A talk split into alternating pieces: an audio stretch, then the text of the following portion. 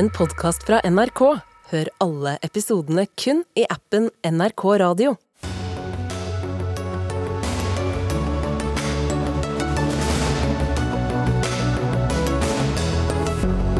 Det kommer ikke alltid et tog. Flere enn ett av ti kommer for sent eller dukker aldri opp. Hvorfor er det blitt så krass tone mellom næringsliv og regjering? NHO må se på hvordan de selv bidrar i samfunnsdebatten, ber en redaktør. Det er på tide å legge ned Nav, mener Snorre Valen i Trønderdebatt. Det skjer ikke, er svaret han får fra Arbeids- og inkluderingsdepartementet. Og en anmelder slakter Gunhild Stordalens nye selvhjelpsbok og kaller de medisinske rådene pinlig overfladiske. Hun leser boken min som fanden leser Bibelen, svarer forfatteren selv. Og dette er bare noen av sakene i dagens Dagsnytt 18. Mitt navn er Sigrid Solund. Og først skal vi til Moskva, der president Putin i ettermiddag sa at Russland vil holde våpenhvile i Ukraina fra klokka tolv i morgen til midnatt natt til den 8. januar. Fra før har den ortodokse kirken bedt om det samme, og grunnen er den ortodokse julefeiringen. Korrespondent Gro Holm i Moskva, hva ligger i denne beskjeden fra president Putin? Ja, Det president Vladimir Putin grunngir dette med, er at eh, det er mange ortodokse som bor i eh, de hjemmede områdene, de som nå er blitt altså faktisk tvangsinnlemmet til Russland, i Donbass, i eh, Zaporizjzja og i Kherson. Og at disse må få mulighet til å gå i kirken.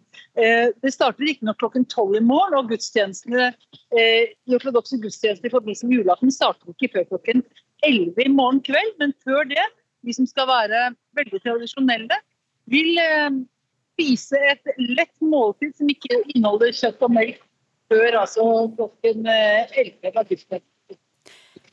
Det er litt dårlig linje på deg, Gro, men eh, Ukraina avviser våpenhvile. Hvorfor gjør de det?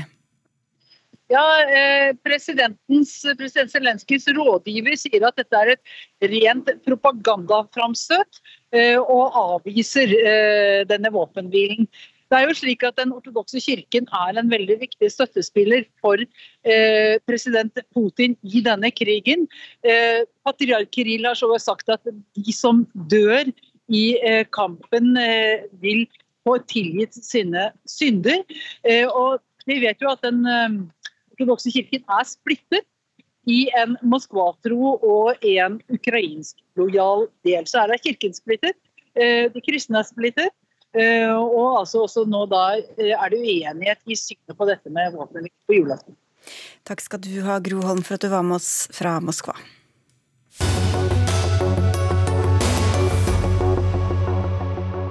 Har du opplevd å stå og fryse på plattformen mens du venter på et tog som igjen er forsinket, eller kanskje ikke dukker opp i det hele tatt? Du er ikke alene. Etter to år med gode punktlighetstall på den norske jernbanen, har eh, de gått nedover i fjor, både for persontog og for godstog. 87,8 av persontogene kom når de skulle. Det er en nedgang på 2,5 prosentpoeng fra året før, og under målet om at minst 90% av togene skulle være eller skal skal være i rute. Cato Hellesjø, du er styreleder i Bane Nor. Du har snakket mye om Follobanen, nå er det punktlighet. Hvorfor er det så mange tog som ikke kommer, eller kommer for seint? For det første så er vi jo veldig mange tog i rute, vi er, men vi har ikke nådd de ambisjonene vi hadde på 90% i, de to siste, i det siste året. Eh, nå er det Noe av bakgrunnen for at det er en nedgang er nok også at det var lettere å nå punktlighetsmålene under pandemien med mindre trafikk. Fordi økt trafikk henger sammen med punktlighet. Men nå er det jo normalen, da? Det er, det er vel ikke koronapandemi dere sikter på? Nei, det var måte årsaken til at vi gikk ned de 2,7 prosentene. Men eh, en av del av årsaken. Men ambisjonen vår er nå 90 eh, Den har vi ikke nådd. Eh, vi har masse tiltak i norsk jernbane som skal bedre på punktligheten. Men vi har også veldig lyst til å øke trafikken, og økt trafikk utfordrer punktligheten. Men hva er det som gjør at togene ikke kommer? Når de skal, i hvert fall det er jo et eh, hav av, eh, av ting. Det er eh, høyt, det er fortsatt veldig mye enkeltspor på norsk jernbane. Og vi har også et gammelt signalanlegg, og vi har også et signalanlegg som er basert på teknologi for mer enn 50 år siden. Og vi har mye vedlikehold som skal gjøres før vi måtte ha den helt optimale løsningen. Og I mellomtiden så gjør vi så godt vi kan. Og Når kan passasjerene vente å få det de betaler for? Eh, jeg mener at eh, i all hovedsak så får eh, passasjerene det de betaler for allerede i dag, men vi skal forbedre norsk jernbane i årene fremover. Og Det kommer til å skje noe hvert eneste år. Vi skal ha etter hvert flere dobbeltspor på vei til både til, forbi Moss og til Tønsberg og til Hamar, og det kommer et nytt signalsystem, og det vil bedre mye av situasjonen. Hva og hvor mye ligger i strukturen, altså i alle disse forskjellige selskapene som skal jobbe sammen? Det er mange selskaper i norsk jernbane. og eh, Jeg har klokketro på det som nå er eh, den politiske ambisjonen og, og vilje, nemlig å redusere antall selskaper. Det gjøres bl.a. nå ved at eh, drift og vedlikehold vil nå om kort tid innfusjoneres i Bane NOR. Det gjør at vi blir færre selskaper, en større del av en integrert modell. og Da får vi mye en situasjon på mange måter den vi har i Oslo, en integrert modell som Sporveien har, som har over tid gitt gode resultater. Der du er konsernsjef, bare for å legge til det. Men, men, men hvorfor, det at det er mange selskaper, hvorfor gjør det det vanskeligere f.eks. For, for dere å gjøre det dere skal? Det er jo at eh, da er hele strukturen lagt opp til anbud, tilbud og, og, avtaler på hver ting som skal gjøres. Det er lettere å samle kompetansen, har en helhetlig kompetanse ett sted, istedenfor å spre viktig jernbanekompetanse eh, utover i mange selskaper. Det, å samle kompetansen, den beste jernbanekompetansen i Norge i ett sted, det har jeg tro på er virkelig riktig løsning for fremtida. Og som du sier, så er det den veien det går. Takk skal du ha, Cato Hellesjø. Du skal få slippe å være med i en politisk eh, debatt. Men det er altså nettopp denne veien dagens regjering vil ta jernbanen i, og som vi hører er i gang med å føre sektoren inn i. Mer samlet, mer helhetlig, det var det dere lovet i Hurdalsplattformen, Hurdals plattformen eller erklæringen, eh, Johan Vasara. Du er statssekretær i Samferdselsdepartementet. Hvor langt er dere kommet, og hvor langt vil dere gå? Ja, altså, Det første regjeringa gjorde i eh, november 2021, rett etter tiltredelsen, var jo å stanse den bebuda oppsplittinga av drift og vedlikehold av jernbanen, der alle de ulike banestrekningene i Norge, Dovrebanen, Vestfoldbanen, Østfoldbanen, eh, you name it, skulle ut på anbud. Eh, det ble stansa. De ti konkurransepakkene de så aldri dagens lys. og Da har vi dermed Spordrift og Bane NOR i stor grad som fortsatt drifter og vedlikeholder norsk jernbane. Og så har vi gått videre i løpet av 2022 da, med, med det Hurdalsmålet om en mer helhetlig organisert og bedre statlig styrt jernbane. Eh, Nå nevnte jo styrelederen fra Bane NOR nettopp eh, det siste vedtaket som er gjort knytta til eh, å få spordrift, som det i sin tid skilt ut av Jernbaneverket og Bane NOR, tilbake inn i Bane NOR. Rett og slett for å samle da, den jernbanekompetansen som, som Hellesjø snakka om. Det er kjempeviktig for at vi, vi, skal ha en helhetlig blikk på hvordan norsk jernbane fungerer. For det er utrolig komplekst. Det er mange gjensidige avhengigheter, og vi må ja, ha en organisering som står i stil med, med det situasjonsbildet. Morten Stordalen, du er jernbanepolitisk talsperson for Frp og sitter på Stortinget. Nå hørte vi også fra Bane NOR hvordan denne oppsplittingen som dere bl.a. har ivret for, slår ut i, i virkeligheten. Hvor tar han feil? Jeg syns han tar feil på ett område, og det er å huske på én ting. Norsk jernbane har eh, gått for lut og kaldt vann i mange tiår gjennom skiftende regjeringer. Eh, når Frp kom inn i regjering i 2013, så starta noe som er vesentlig. Det har blitt en dobling av jernbanebudsjettet når det gjelder investeringer. Det har blitt en tredobling på vedlikehold. Før Frp kom i regjering, så økte etterslepet med 1 milliard kroner hvert eneste år. Eh, og så var det noe som er viktig, og det er dette signalanlegget i RTMS. Eh, og det er, et, det det vi ikke har, men det vi skal ja, få. Som vi skal få. Og så er det helt riktig som jeg har sagt tidligere i år, det vil bli verre før det blir bedre. Eh, og da betinger det at man setter av nok penger til planlegging og utbygging av også effektpakkene på intercity. Når du først har én strekning helt ferdig, da kan du ta det systemet i bruk. Da kan du lettere få togene i rute raskere, holde rutetida si. Men kompetansen blir ikke samlet da, sånn som Nei, men, Sånn som Frp ville, et Bane NOR som har ansvar for drift, vedlikehold, planlegging og bygging av jernbane, er riktig. Og Det er rett og slett en tydelig ansvarsplassering, hvem som skal gjøre hva. Eh, og Det er ikke noe tvil om det, at det er satsa masse på jernbane, men dersom man gjør som regjeringen har gjort nå, å stoppe eh, alt, og vedlikeholdet nå øker igjen i 2023, og heller ikke setter penger til planer for å bygge, så forskyver man problemet ytterligere. Og Det betyr at det blir enda lengre tid hvor man heller ikke klarer å komme i rute. Penger er jo det er selvfølgelig veldig viktig, men hvis vi også prøver å holde oss litt til denne organiseringa, Mona Fagerås, du sitter på Stortinget for SV, og mm, dere dytter jo da på regjeringa i den andre, andre retninga enn det Stordalen ønsker å, å ta dem. Men hvordan vet du at flere tog hadde vært i rute hvis den samme logoen sto på flere ting? Jeg er overbevist om at det er en samla overordna styring av jernbanen som gir det beste resultatet. Vi kan se til utlandet, som, som har gode eksempler på det, men også Sporveien i Norge forteller oss at det er en overordna styring som gir de beste resultatet. Og jeg tror at det som har skjedd med Follobanen nå, viser at ansvarspulverisering og et utall antall underleverandører, det gir ikke gode resultater. Men vi har jo hatt det sånn. Vi har jo hatt NSB som styrte alt. Ja, og vi, vi vil tilbake til ei overordna styring av norsk jernbane. Vi tror at det er det, samt de økonomiske virkemidler over tid, at vi satser på vedlikehold, at vi satser på oppgradering og ny infrastruktur. Det er det som gir best resultat. Jeg må kommentere for at Det Fagerås og SV sier nå, det er man vil tilbake til sånn forrige gang det rød-grønne styrte, altså SV, Arbeiderpartiet, Senterpartiet, før 2013. Og da fungerte jo ikke jernbanen i hele tatt. Det visste alle, var alle klar over. Og så må vi ta med oss én ting i bildet. Eh, det er trist at det måte ikke er bedre ute enn man er de daglige togavgangene. Men husk på at det går over flere, altså over 100 flere avganger fra Oslo S i dag enn de gjorde for ti år siden. Eh, og det var altså gammelt materiell og siden 2008 vel, så er vel ca. 125 cirka, eh, nye togsett som er på skinnene. Og de har investert voldsomt mye penger.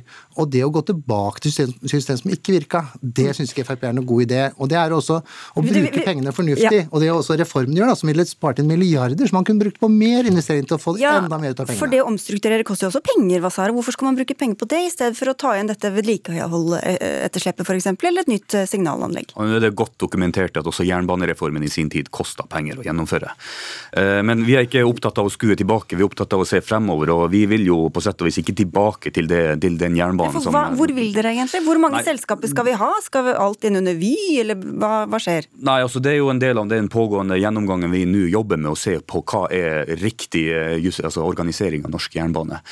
Eh, det som er helt klart, og det som også jernbaneselskapene og Nå har jeg brukt hele høsten på å møte alle de direktørene. Hvem er det mange av? Dem er det mange av. Eh, men det mange av dem er også enige om, det er at eh, jernbanereformen har gått litt vel langt. De peker på også behov for å, igjen da som Cato Hellesjø fra Bane Nor var inne på, behovet for å samle den kompetansen, kunne samarbeide på tvers av selskapene, istedenfor å skrive kontrakter med hverandre og liksom være sånn resolusjonsbaserte i, i samtalene med hverandre. Men hvor mye er det mulig mulig egentlig å gå tilbake da? Vi har jo kontrakter som går over mange år, Fagerås, og det er ganske mange aktører som er inne i dette bildet nå?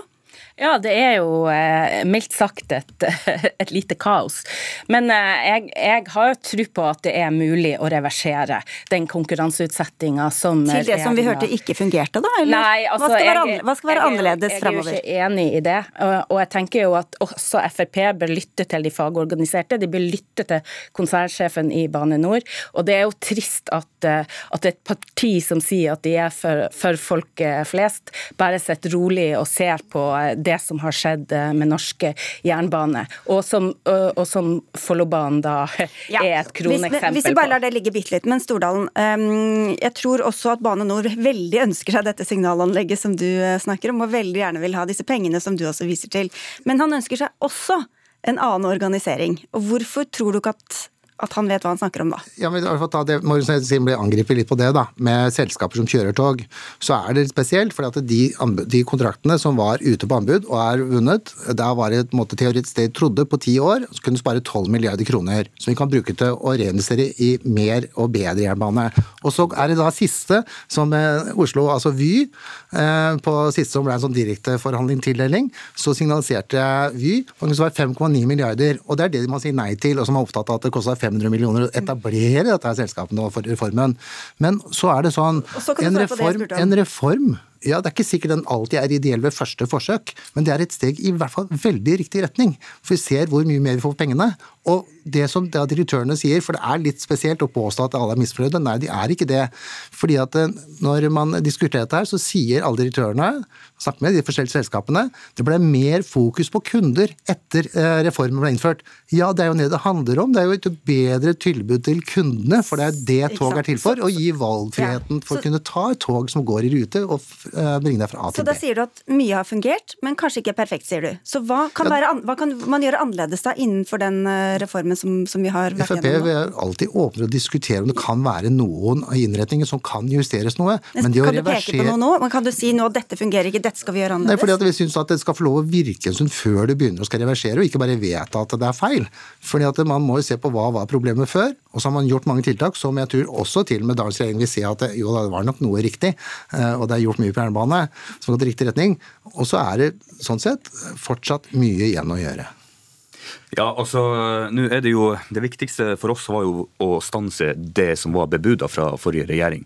Eh, så I dag så kunne vi jo fort sittet med ja, europeiske selskap og ulike jernbanestrekninger som eh, har ansvar for drift og vedlikehold av det.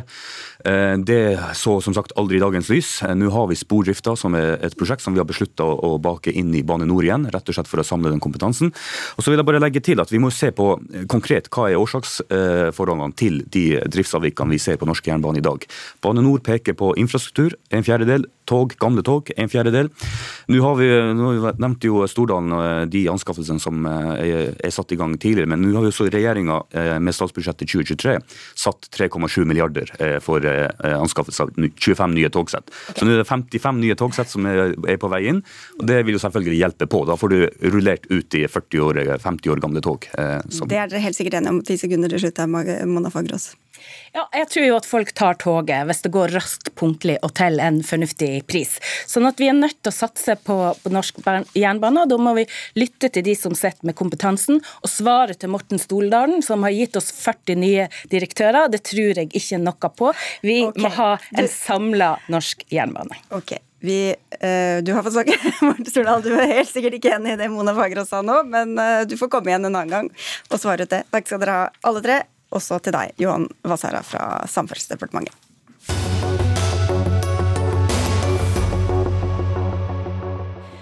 Uro det er eh, overskriften for NHOs eh, årskonferanse. I dag stimlet politikere, bedriftsledere, internasjonale gjester eh, og mange andre sammen for å lytte til hverandre og utvalgte foredragsholdere. Og uro ser det ut til å være mellom regjeringa og NHO, også økonomikommentator i NRK Cecilie Langen Becker. Du er med oss fra selve konferansen. Hvordan har denne uroen eller misnøyen kommet til uttrykk blant folk du har snakket med i dag? Altså, fra scenen her har det vært uh, veldig mye snakk om forutsigbarhet, eller snarere mangelen på forutsigbarhet. Det er et uh, ganske samlet næringsliv som mener at det har vært uh, for kraftige skatteskjerpelser som har skjedd for raskt og uten noe særlig prosess. Og da har det da skapt det de mener er en altfor stor uforutsigbarhet for næringslivet. Og dette uforutsigbarhet, dette ordet har vært gjentatt gang på gang på gang på gang fra scenen her i dag og fra veldig mange av foredragsholderne. Det er veldig høy taffelmusikk bak det her, men vi prøver litt til. Du skriver på NRK Ytring at det er ganske uvanlig ordbruk i denne, skal vi kalle det, kaldfronten.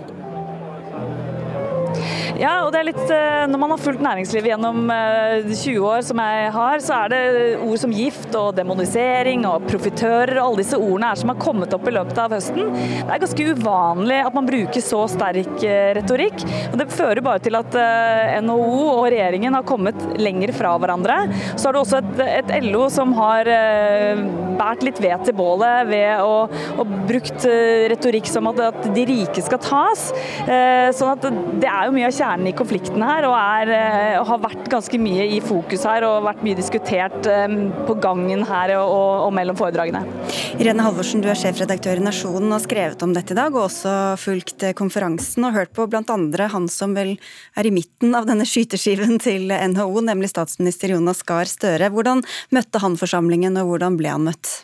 Nei, Jeg vil si han møtte forsamlingen ganske offensivt. Ja.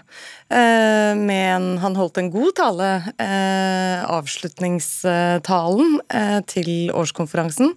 Og det var det ganske mange som var spente på, fordi at konferansen startet både med NHO-presidenten og med Nato-sjef, tidligere Arbeiderpartileder og statsminister Jens Stoltenberg. Og det sitter jo liksom folk sånn som hørte ganske mye av i dag, så var det sånn å, jeg savner Jens.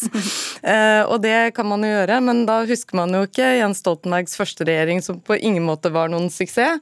og nå husker man på en måte Jens Stoltenberg som i krig og kaos i Europa snakker om samhold og og forsvar, som vel eh, svært få er uenig i. Så jeg tenker at eh, Støre hadde et eh, krevende utgangspunkt, men tok liksom tyren ved hornene da, og gikk rett inn i eh, diskusjonene knytta kanskje særlig til statsbudsjettet 2023. Hvem mener du har skylden for at det er blitt så kjølig mellom NHO og regjeringa? Nei, Jeg tror de må dele litt skyld, altså. Uh, ikke sant? Det er noe i det er ingen, ingen kan være overraska over at en regjering utgått av Arbeiderpartiet og Senterpartiet, sånn som de kjørte valgkampen, og hvis man leser Hurdalserklæringen, så tror jeg uh, man kan være ærlig og si at du kan ikke være overraska over at politikken, også den økonomiske politikken, da vil bli noe annerledes. Uh, sånn at, at det er veldig overraskende, det må jeg si overrasker meg. Men det er klart at, at at uh, verken Arbeiderpartiet eller Senterpartiet kan leve med å bli stempla som uh, at de ikke forstår økonomi eller ikke forstår næringsliv. Begge disse to partiene er tufta på uh, den balansegangen mellom å skape og dele for Arbeiderpartiet sin del, og Senterpartiet også er et klassisk næringsparti. Så at de må jobbe med både retorikken sin, forklare politikken sin ytterligere, og, og rett og slett få i gang en dialog. Da. Og hvis det som alle trekker fram som det aller viktigste i Norge, nemlig trepartssamarbeidet, skal fungere, ja, så fordrer jo det en eh, samtale mer enn en sånn ropert-kommunikasjon. Cecilie, denne store uroen og misnøyen som NHO eh, forfekter, er det sånn at hele næringslivet stiller seg bak den? Nei, for det er litt interessant. For når man snakker med folk mer på gangen og mellom foredragene, så er det litt sånn Eh, det var da voldsomt da. Er det virkelig så ille? Vi, eh, norsk økonomi går veldig bra. Det er veldig lav arbeidsledighet. Og det sa for så vidt også eh, sjeføkonom Øystein Døren i NHO fra scenen her.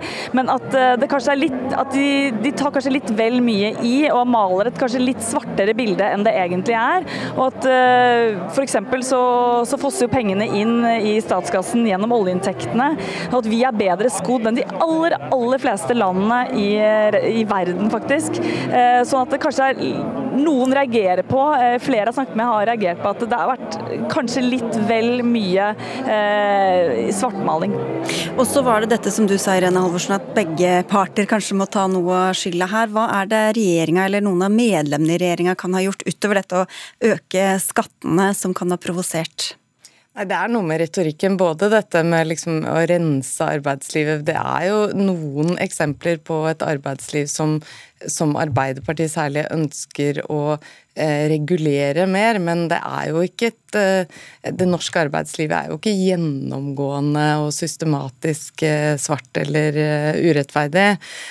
Sånn at jeg tror f.eks. en av regjeringens sterkeste kort, Tonje Brenna, kan nok med fordel liksom slipe av litt av opposisjonsretorikken. Nå sitter de i posisjon i en helt ekstrem situasjon, og da tror jeg Det er jo litt sånn Eh, vi møter oss litt i døra som redaktører og journalister òg. Det var mange av oss som var litt sånn frustrerte da Erna Solberg Hun var jo så rund og var ikke mulig å, å på en måte i gåstein eh, vinkle på noe eller ta henne på noe. Men den måten å snakke fellesskap på da, er, veldig, er jo samlende.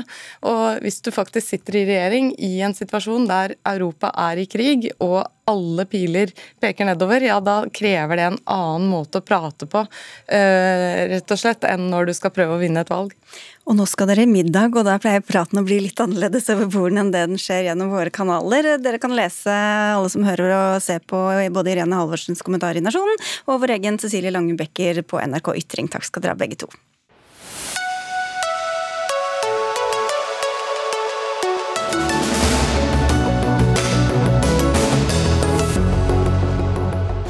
De færreste har vel rukket å reise utenlands allerede i år, men eh, de som har det, kan ha registrert at de nå bare kan ta med seg halvparten så mye tobakk fra taxfree som de kunne i fjor. Fem pakker sigaretter f.eks. Slik ble det etter at regjeringspartiene og SV ble enige om statsbudsjettet. Roy Steffensen, du er medlem av finanskomiteen på Stortinget for Fremskrittspartiet. Dette er latterlig, har du skrevet i et leserinnlegg som har stått bl.a. på trykk i, i Tromsø. Men tror at latteren først kommer hvis dere får fjernet denne halveringen. Forklar all denne latteren, Steffensen. Eh, ja, det var et leserbrev vi skrev om det. At, eh, for dette vil nok folk mene er en veldig liten, eh, liten sak. Eh, og Da er det jo veldig ofte sånn at det, er jo vi som da vil eh, rydde opp i det etterpå, som eh, blir latterliggjort fordi at vi bryr oss om små saker. Men det som er urovekkende her, er jo at i en situasjon hvor det er krig i Europa, hvor folk opplever økte priser på mat og drivstoff og strøm og sånt, så er det jo eh, Ap og Senterpartiet som velger å eh, engasjere seg i en så liten sak. Hvor de da innfører en særnorsk regel. Ingen andre land har dette her.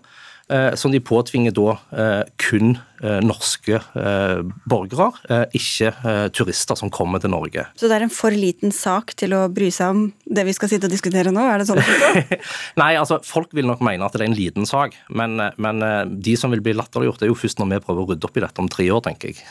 Ja, Hva triver du, Geir Pollestad? Du sitter i finanskomiteen for Stortinget, for, på Stortinget for Senterpartiet og var veldig involvert i denne budsjettforliket. Ja, og vi er veldig opptatt av at vi ønsker å begrense grensehandelen.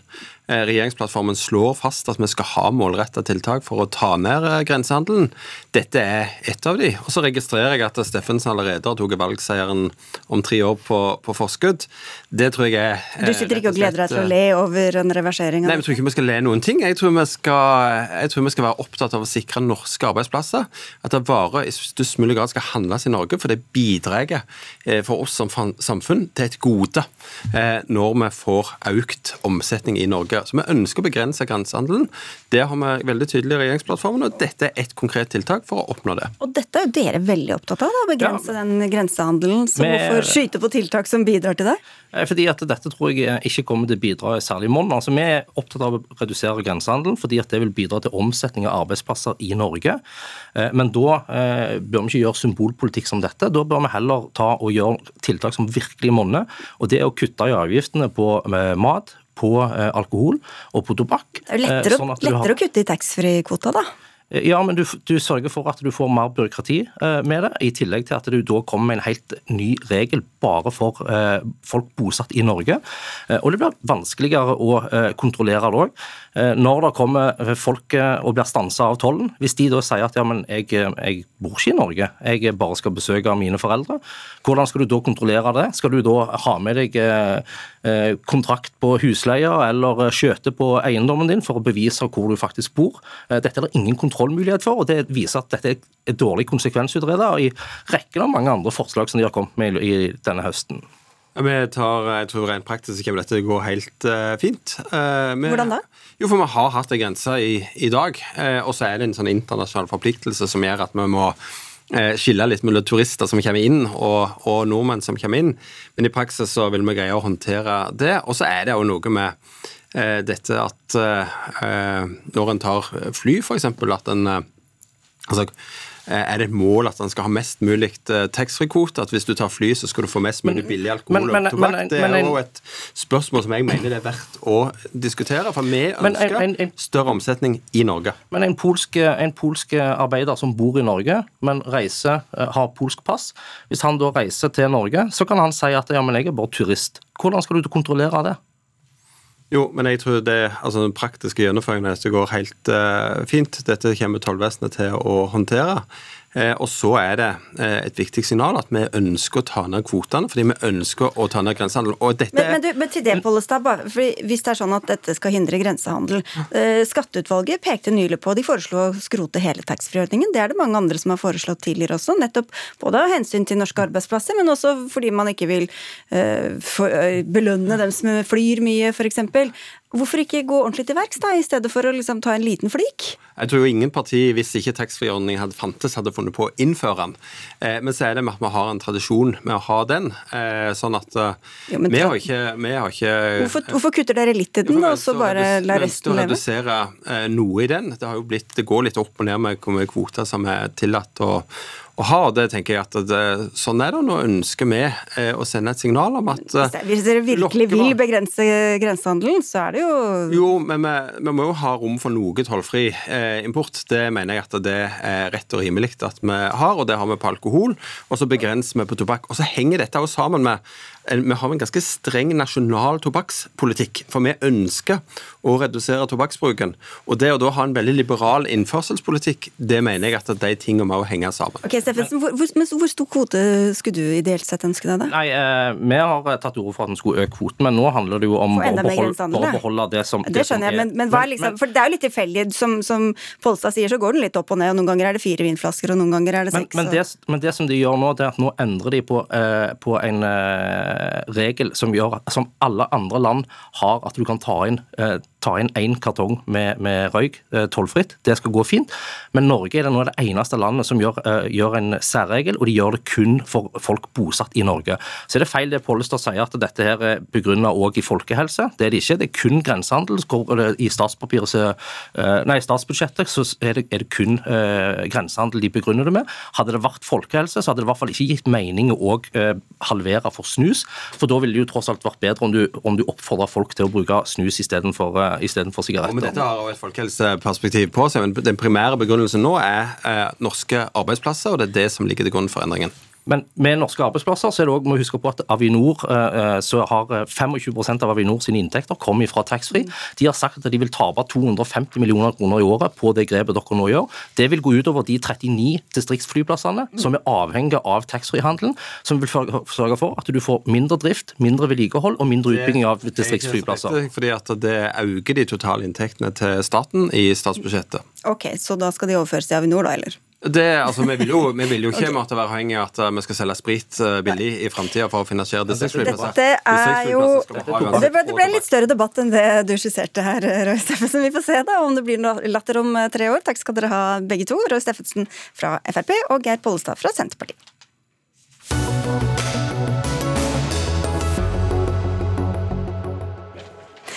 Nå skal vi til en overmoden debatt, skal vi tro redaktøren i eh, Trønderdebatt. Det er i hvert fall overskriften på kommentaren din, Snorre Valen, eh, der du eh, som har skrevet dette og tar til orde for å legge ned Nav, rett og slett. Hvorfor gjør du det? Ja, den konkrete foranledninga var jo en ganske ja, oppsiktsvekkende sak i Trondheim nå i romjula, der en mann fortalte at han man er nødt til å reise langt hver dag i romjula på kort varsel for å møte opp og oppfylle sin aktivitetsplikt, som da gikk ut på å eh, se Netflix-film og, og, spille brettspill hos en eh, leverandør til Nav, da, et selskap som Nav kjøpte tjenester av. Eh, og Det kan man behandle som et uheldig enkelttilfelle, men det jeg synes er interessant er jo at det er en rød tråd som går gjennom veldig mange, om ikke nesten alle av de beretningene vi har hørt over mange år med folks vonde opplevelser med Nav. Eh, og Det handler om avmakt, følelsen av å bli mistenkeliggjort. Eh, og følelsen av å være veldig liten i møte med et veldig stort system. Og Da kan vi enten peke på Nav og si skjerp dere, eller så kan vi ha en litt mer ærlig debatt og se kanskje dette har noe med hva slags politiske styringssignaler som er gitt til Nav over veldig mange år, men også hva slags konstruksjon Nav faktisk er. Da. Skal... Det syns jeg mangler i norsk politisk debatt. Vi kommer litt om litt, men vi begynner med dette, denne beskrivelsen. Torbjørn Aas, du er direktør i Nav Trøndelag og har svart Valen. Hva mener du er litt misvisende eller mangler i det han skriver? Nei, For det første så skal vi jo tåle kritikk, og det er nyttig med kritikk. Eh, men den gangen her så tror jeg nok eh, Snorre Valen Eh, gjør noe som eh, ikke oppleves som veldig ålreit, som gjør jobben i Nav. For veldig mye av det Nav gjør, fungerer veldig godt, og vi har medarbeidere som er veldig godt motivert eh, og er på jobben for å gjøre en ordentlig jobb for de, de, de som trenger Nav. Og De ordene som brukes her, de tror jeg oppleves som urettferdig og belastende rett og slett for dem som leser dem, som er på innsida av Nav-systemet. Ja, men Opplever du at dere møter alle brukerne med tillit, da? Eh, nå møter vi ikke alle brukerne, så det er helt sikkert noen som kan oppleve at vi ikke gjør det. Eh, men vi, vi vet jo at eh, i Trøndelag og nasjonalt eh, så, så sier jo åtte av ti brukere at de møtes med respekt. Så det betyr jo at det er bra resultat der, men vi har jo da eh, to av ti som kanskje ikke opplever det sånn. Så at vi kan bli bedre, definitivt. Og så må vi samtidig huske på at mye også går bra. Og du roser jo for så vidt mange Nav-ansatte, Snorre Valen, og det er ikke dem du vil eh, angripe. Men samtidig så er det jo sånn at Nav skal forvalte fellesskapets penger etter ganske strenge regler. Hvor eh, tillitsfulle kan de egentlig være i alle situasjoner? Eh, mer tillitsfulle enn i dag. Det er selvfølgelig, altså Jeg vet ikke om noen er som tar til orde for å ikke kontrollere trygdeutbetalinger eller velferdsordninger, men jeg syns det er verdt å, å, å ha med i debatten at vi ikke har samme kontinuerlige debatt om skatteetaten eller Lånekassa, for den saks skyld. Eh, Nav står i en særstilling. Det er av to grunner. For det første fordi det er en politisk konstruksjon som det er lagt veldig mye prestisje i, men som mange mennesker oppgir at de har et vondt møte med. Eh, men for det andre fordi når du oppsøker Nav, så eh, befinner du deg ofte i en sårbar situasjon eller i en vond tid i livet ditt, eller du har et veldig bestemt behov. og Da er det ekstra viktig at ikke bare Nav gjør det de kan for å behandle de de hjelper med respekt, men at også vi har en oppbygging av Nav som er innretta rundt det. Og Det har vi ikke i dag. Altså, ansattes fagforening sjøl bruker ord som vedtaksfabrikk f.eks. Og det tror jeg er en naturlig konsekvens av en veldig stor organisasjon eh, som skal forvalte veldig mange mennesker som hver og en er ganske små. Thomas Norvald, du er statssekretær i Arbeids- og inkluderingsdepartementet. Hvordan kan et så enormt system som Snorre beskriver her, møte hver enkelt på best mulig måte? Ja, De skal jo gjøre det ved å nettopp møte hver enkelt med, med respekt og ordentlighet. og Det viser undersøkelsen at folk stort sett opplever at de blir tatt imot på en ordentlig måte, at de blir lytta til og at eh, de blir stolt på i de, eh, de opplysningene som de legger fram så er vi jo aldri for... Nå skal Det sies at det er veldig mange som er i møte med Nav hele tiden, enten det bare er fem dagers sykemelding eller du skal ha foreldrepermisjon. Så veldig enkle saker. Hvis to av ti sier at de ikke blir møtt med respekt, så er jo kanskje ikke det de tilfellene, men de som faktisk trenger litt ekstra forståelse fra Nav, eller? Ja, altså vi er, vi er jo veldig opptatt av at alle skal oppleve møtet med velferdsstaten, som jo Nav egentlig er, på en, på en skikkelig måte. Og, eh, og, vi gjør mye for å få det til. Bare et eksempel nå. Nå har Eh, i møte med eh, at nå veldig mange flere har behov for noe ekstra hjelp pga. at det er litt tøffe tider, så har vi jo laga et nytt regelverk nå som, eh, som, gjør det sånn at det skal være enklere og raskere å kunne få en, en, en korttidsytelse for å komme seg over kneika. Så det gjøres ganske mye. Det gjøres en del ting fra departementet, og det gjøres mye i Nav for å sørge for at man, at man er der man, man, ønsker å være. Og det er ikke for stort. Det, er, det er egentlig litt av det poenget til Snorre Valen, om det er Nei, altså det som, det som, er, Dette er jo veldig komplekst. Eh, og, og det som ligger bak, altså backoffice i Nav, er jo at noen ting er kommunene sitt ansvar, noen ting er staten sitt ansvar. Vi er jo opptatt av at hvis, hvis jeg trenger Nav for at jeg mista jobben eller blitt syk, eller, så, så, skal jeg kunne gå til ei dør. Eh, og så skal det være noen andre bak der som, som på en måte ordner opp i de forskjellige løsningene, så jeg skal slippe å springe fra kontor til kontor. Så jeg tror jo Løsninga kan jo umulig være å splitte opp Nav og gjøre det mer mm, komplisert. For Det var jo tanken bak eh, Snorre Valen, at man skulle få noen som kunne se helhetlig på det. Hva er alternativet egentlig da? Ja, og Jeg var sjøl kjempesterk tilhenger av det da jeg var, jeg var, fylkespolitiker og var med på høringsuttalelse om Nav i 2004 og forsøksprosjektet i Trondheim. Og Jeg lytta ikke til de som advarte, da, og det angrer jeg på i dag. For jeg tror jeg tok feil, og jeg tror mange tok feil. For Det er jo riktig som statssekretæren sier at det er godt å kunne oppsøke ett kontor og slippe å springe mellom dem, men det er en annen måte også å se det på, og som jo veldig mange forteller om i sitt møte med Nav. og det at det er én stor maskin som følger deg nærmest fra vogge til grav, og som du veldig lett kan føle at du mister kontroll i. Og Jeg trenger å overbevises om, og det tror jeg mange andre også gjør, at den beste måten å organisere en trygdeetat på, nødvendigvis er det samme som den beste måten å organisere den kommunale sosialtjenesten på, eh, eller alle de andre ordningene Nav forvalter. Det er ikke nødvendigvis sånn at størst er best. og Spesielt i en tid som nå, når vi har en regjering som ellers er veldig opptatt av å sette ord på folks avmaktsfølelse i møte med veldig store strukturer, så tror jeg, jo, jeg tror ærlig talt at størrelsen på Nav har mer å si da, for folks hverdag enn størrelsen på fylkeskommuner. Ja, men Nå tror jeg jo at, eh, at Snorre Valen deler min, eh, mitt ønske om at vi skal ha en velferdsstat som er fungerer godt, og som tar vare på folk som er i en vanskelig situasjon. Og Da syns jeg det er mer konstruktivt at vi diskuterer hvordan kan vi ta tak i de utfordringene som faktisk er der.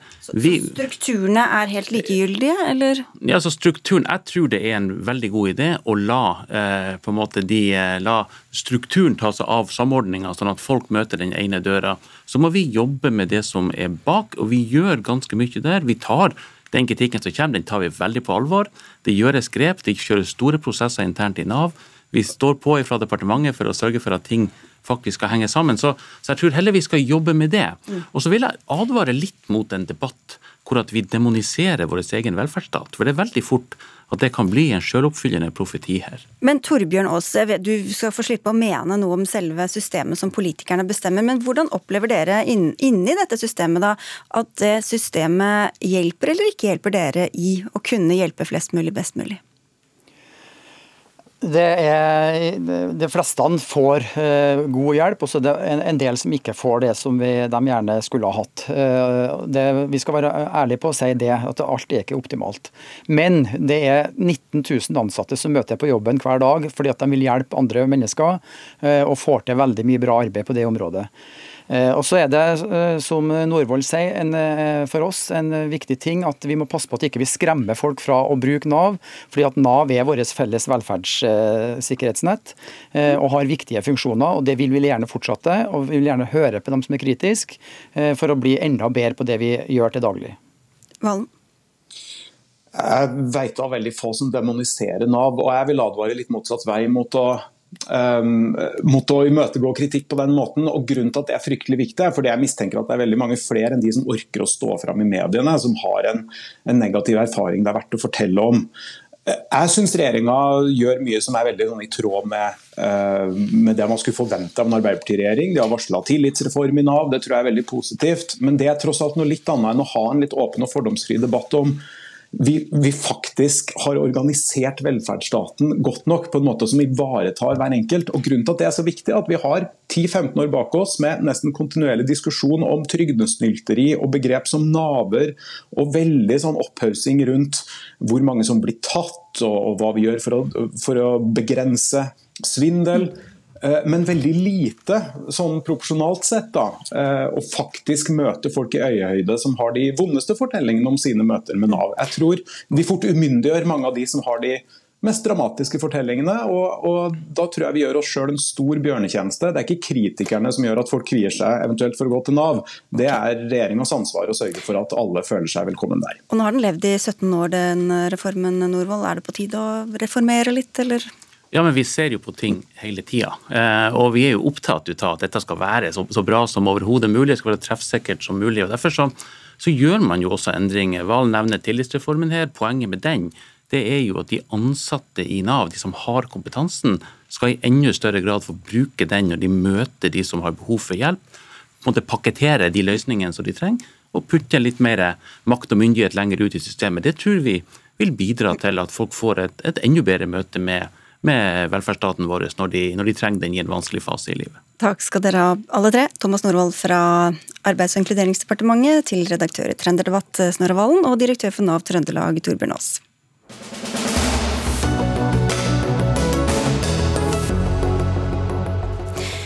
Etter tre dager på paradeseng i Peterskirken ble tidligere pave Benedikt bisatt i dag. Han ble den første paven som pensjonerte seg fra stillingen på 600 år. Det skjedde da i 2013. Den avdøde pavens ettermæle er blitt debattert i flere aviser de siste dagene. Pål Brattbakk, du er sogneprest i eh, Sankt Svithun menighet, og du har bl.a. to års studieopphold i Roma bak deg der du studerte pave Benedikts lære, og kaller ham en stor intellektuell kapasitet. Hva var dette store ved ham? Han hadde en analytisk hjerne. altså Det sies om han at han hadde hodet til, til to teologer. Eh, han hadde en enorm kapasitet intellektuelt. Eh, men samtidig hadde han dette hjertet til et lite barn som nettopp har mottatt nattverden for første gang. Så han har en sånn barnlig eh, ikke barnslig, men, barnlig tilnærming til troen, samtidig som han har dette enorme hodet. Eh, og han eh, det store i hans teologi er jo at, troen og fornuften alltid må gå sammen. en tro uten fornuft kan føre til fundamentalisme, og det kan også en, en, en fornuft som ikke har noen andre holde, holdepunkter. Så, så, at den holder ting sammen. Ole Jakob Løland, du er førsteamanuensis ved Universitetet i Sørøst-Norge, og er ikke like hyllende over den avdøde pavens intellektuelle kapasitet. Hvorfor ikke? For det første, så Når man er forsker, så skal man ikke uten videre hylle religiøse autoriteter hvis det ikke er særskilt god, eh, god grunn til det. Altså, det er grunn til å hylle altså Man kan godt eh, anerkjenne pave Bendikts intellektuelle kapasitet eh, til en pave å være, for det, han var en intellektuell pave.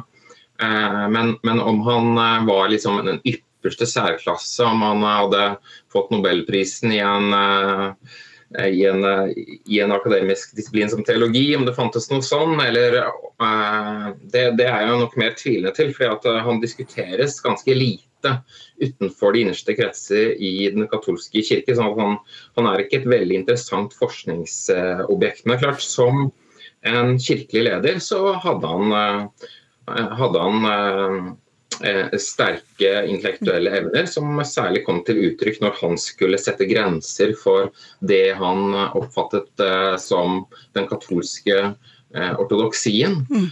Og Problemet var bare at det rommet for den katolske ortodoksien med pav Bendik og tidligere i rollen som kardinal, det var så lite at det i praksis fungerte ganske ekskluderende for store grupper innenfor den globale eh, katolisismen, med den latinamerikanske frigjøringsteologien som kanskje er det mest interessante eksempelet. Ja, vi skal komme til bare, men Brattbakk, bare ta dette med det er litt avhengig av hva man sammenligner med, og hvem man sammenligner med, da, og hvor stor intellektuell kapasitet han var, eller? Helt klart, eh, men, men, det er jo interessant at en mann som jo har blitt møtt med, med mye kritikk også, eh, som da han som pave skulle tale til nasjonalforsamlingen nasjonalforsamlingene i England, i Tyskland, i USA, eh, også ble møtt med mye kritikk før han kommer, men når folk faktisk lytter til han, Eh, så er det jo noen som sier talen hans i bånn, f.eks., som, som virkelig er et stort mesterstykke av en tale. Så han har det også, men, men akkurat når det gjelder frigjøringsteologen, det han har utfordringen med deg. Jeg er jo ikke enig i at dette rommet har blitt så, så lite med, med Ratzinger.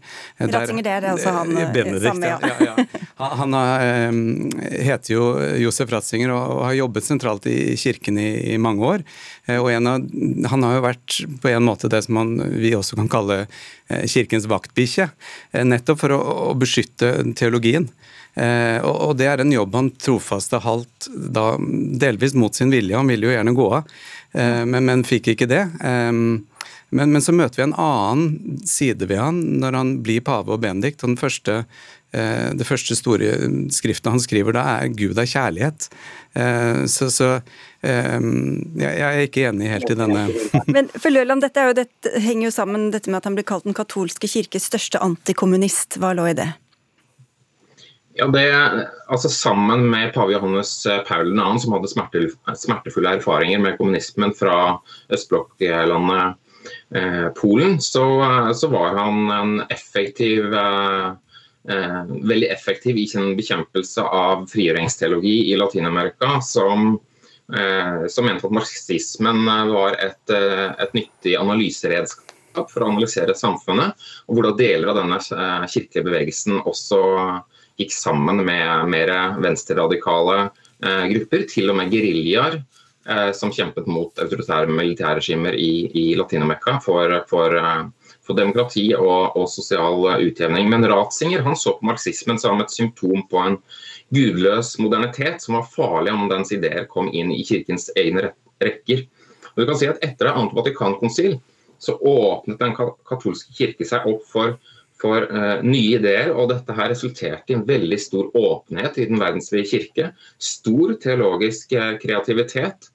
Uh, og, og der, der, reagerte Johannes Paul 2. sammen med Benedikt den 16., da han var kardinal under navnet Josef Ratzinger, med disiplinering, uniformering, satte dialoger under etterforskning, begynte å sensurere bøker ved presteseminarer og utstedte fordømmelser som som da er interessant nok pave Frans eh, har, har, unnlatt å utstede på, på, samme måte. Så nå ser man en litt større åpning I alle fall for det, for det intellektuelle innenfor den katolske kirken globalt. Vi må avslutte, men du på dagen for bisettelsen skal du få 30 sekunder til slutt. Ja, jeg er naturligvis ikke helt uh, enig i denne beskrivelsen. Uh, selvfølgelig må man sette yttergrenser for hva teologien kan romme, men utgangspunktet til Rassinger er hva er teologiens utgangspunkt? Og Den kan ikke være politisk, ideologisk, det kan ikke være marxisme. Det må være Guds ord. Uh, og Det var derfra han også trekker sin sosiallære. Du snakker om han i presens? Ja, jeg gjør det. Han har skrevet så mye at vi kommer til å lese han lenge. Takk skal dere ha begge to, Pål Brattbakk og Ole Jakob Løland, for at dere kom til Dagsnytt 18.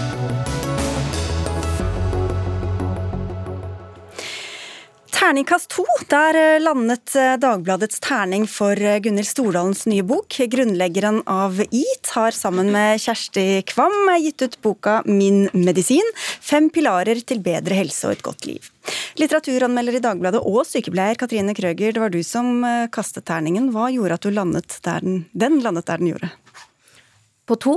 Eh, nei, eh, Gunhild Stordalen hun er lege, og har doktorgrad i medisin. Jeg hadde store forventninger egentlig til en livsstilsbok. Jeg ble veldig skuffet. Altså, det kunne like godt vært skrevet av en eh, blogger på 16 år. Jeg tenker jo Stordalen er jo mer intelligent enn som så. Jeg syns den var lite overbevisende. Den var mm, Pinlig overfladisk?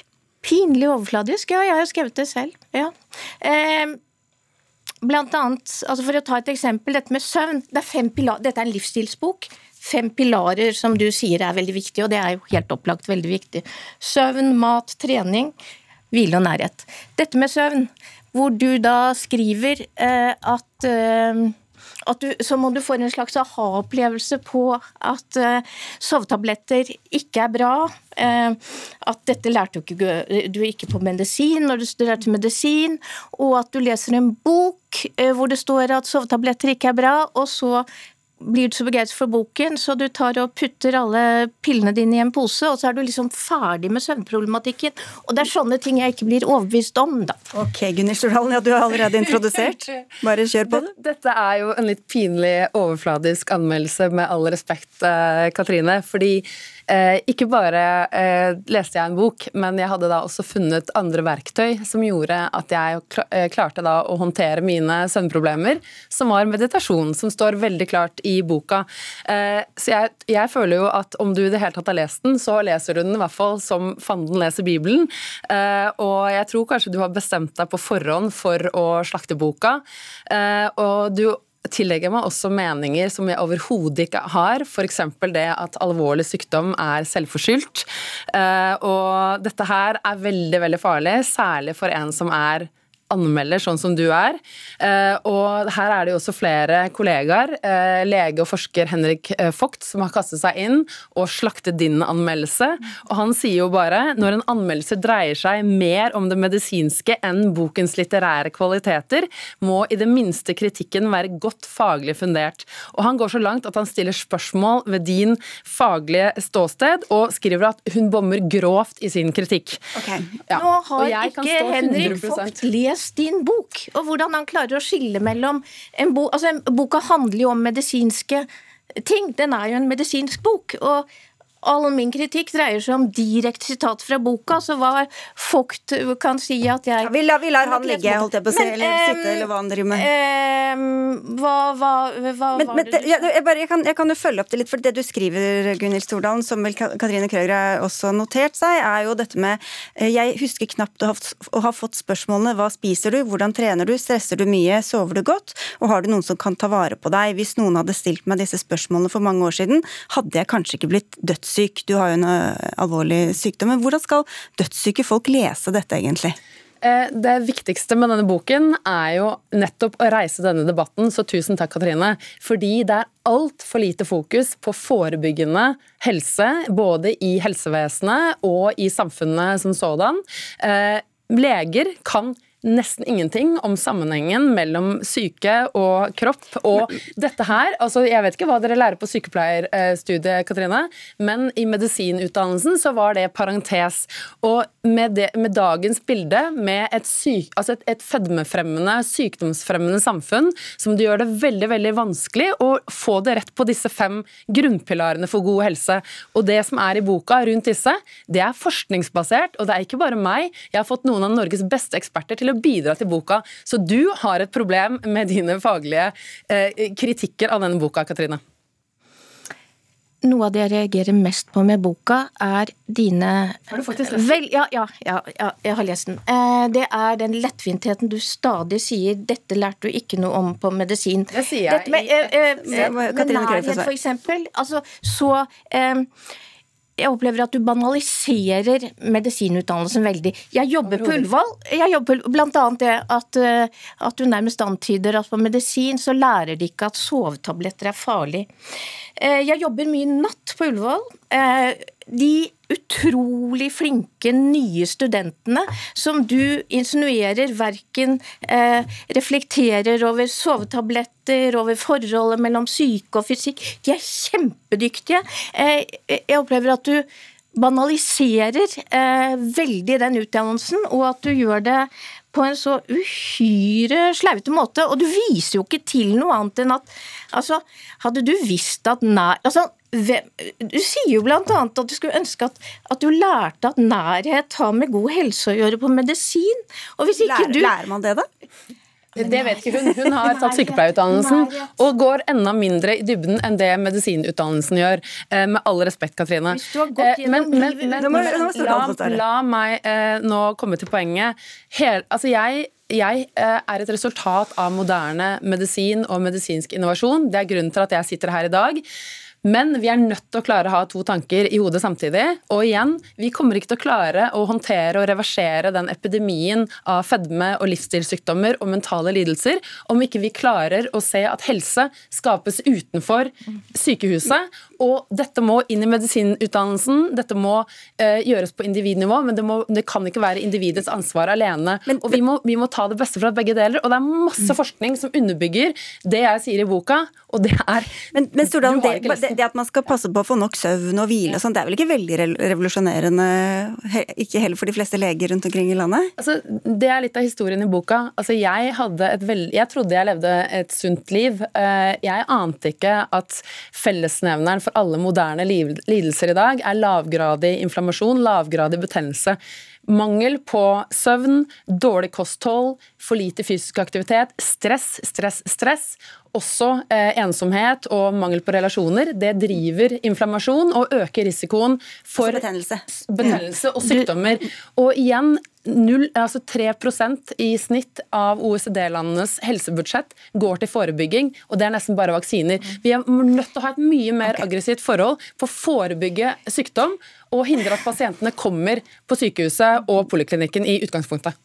Alt det du nevner opp. Altså, om du ikke fikk det med deg på medisin, så får du det med deg hver eneste dag på forsiden i Dagbladet og VG om inflammasjoner, om ensomhet. Altså, det er jo det som er hovedpoenget. Eh, Men det virker jo ikke. Det, kurvene går feil vei, kjære Katrine. Ja, men eh, jeg har vi, anmeldt vi har jo ikke lykkes okay, nå må Katrine Krøger få snakke. Mm. Jeg har anmeldt boka di. Jeg tror ikke du har lest den.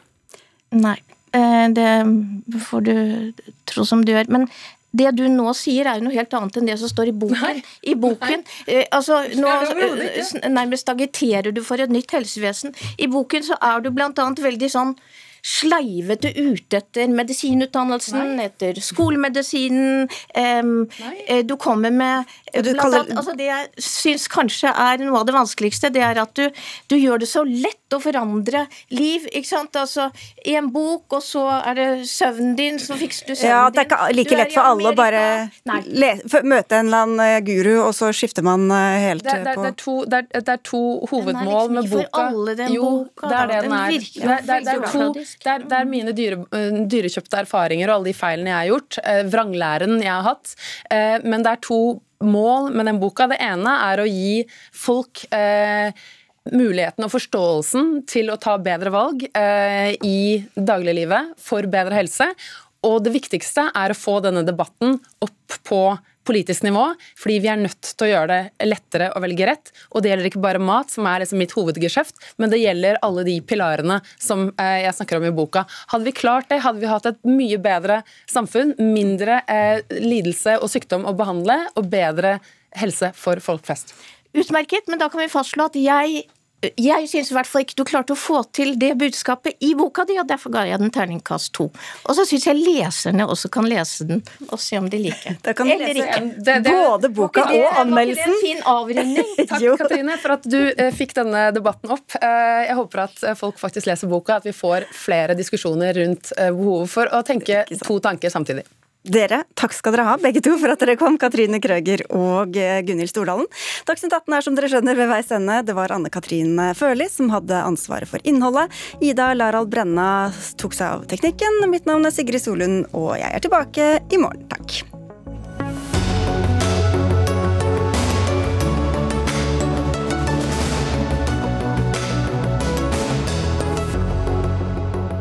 Du har hørt en podkast fra NRK. Hør alle episodene kun i appen NRK Radio.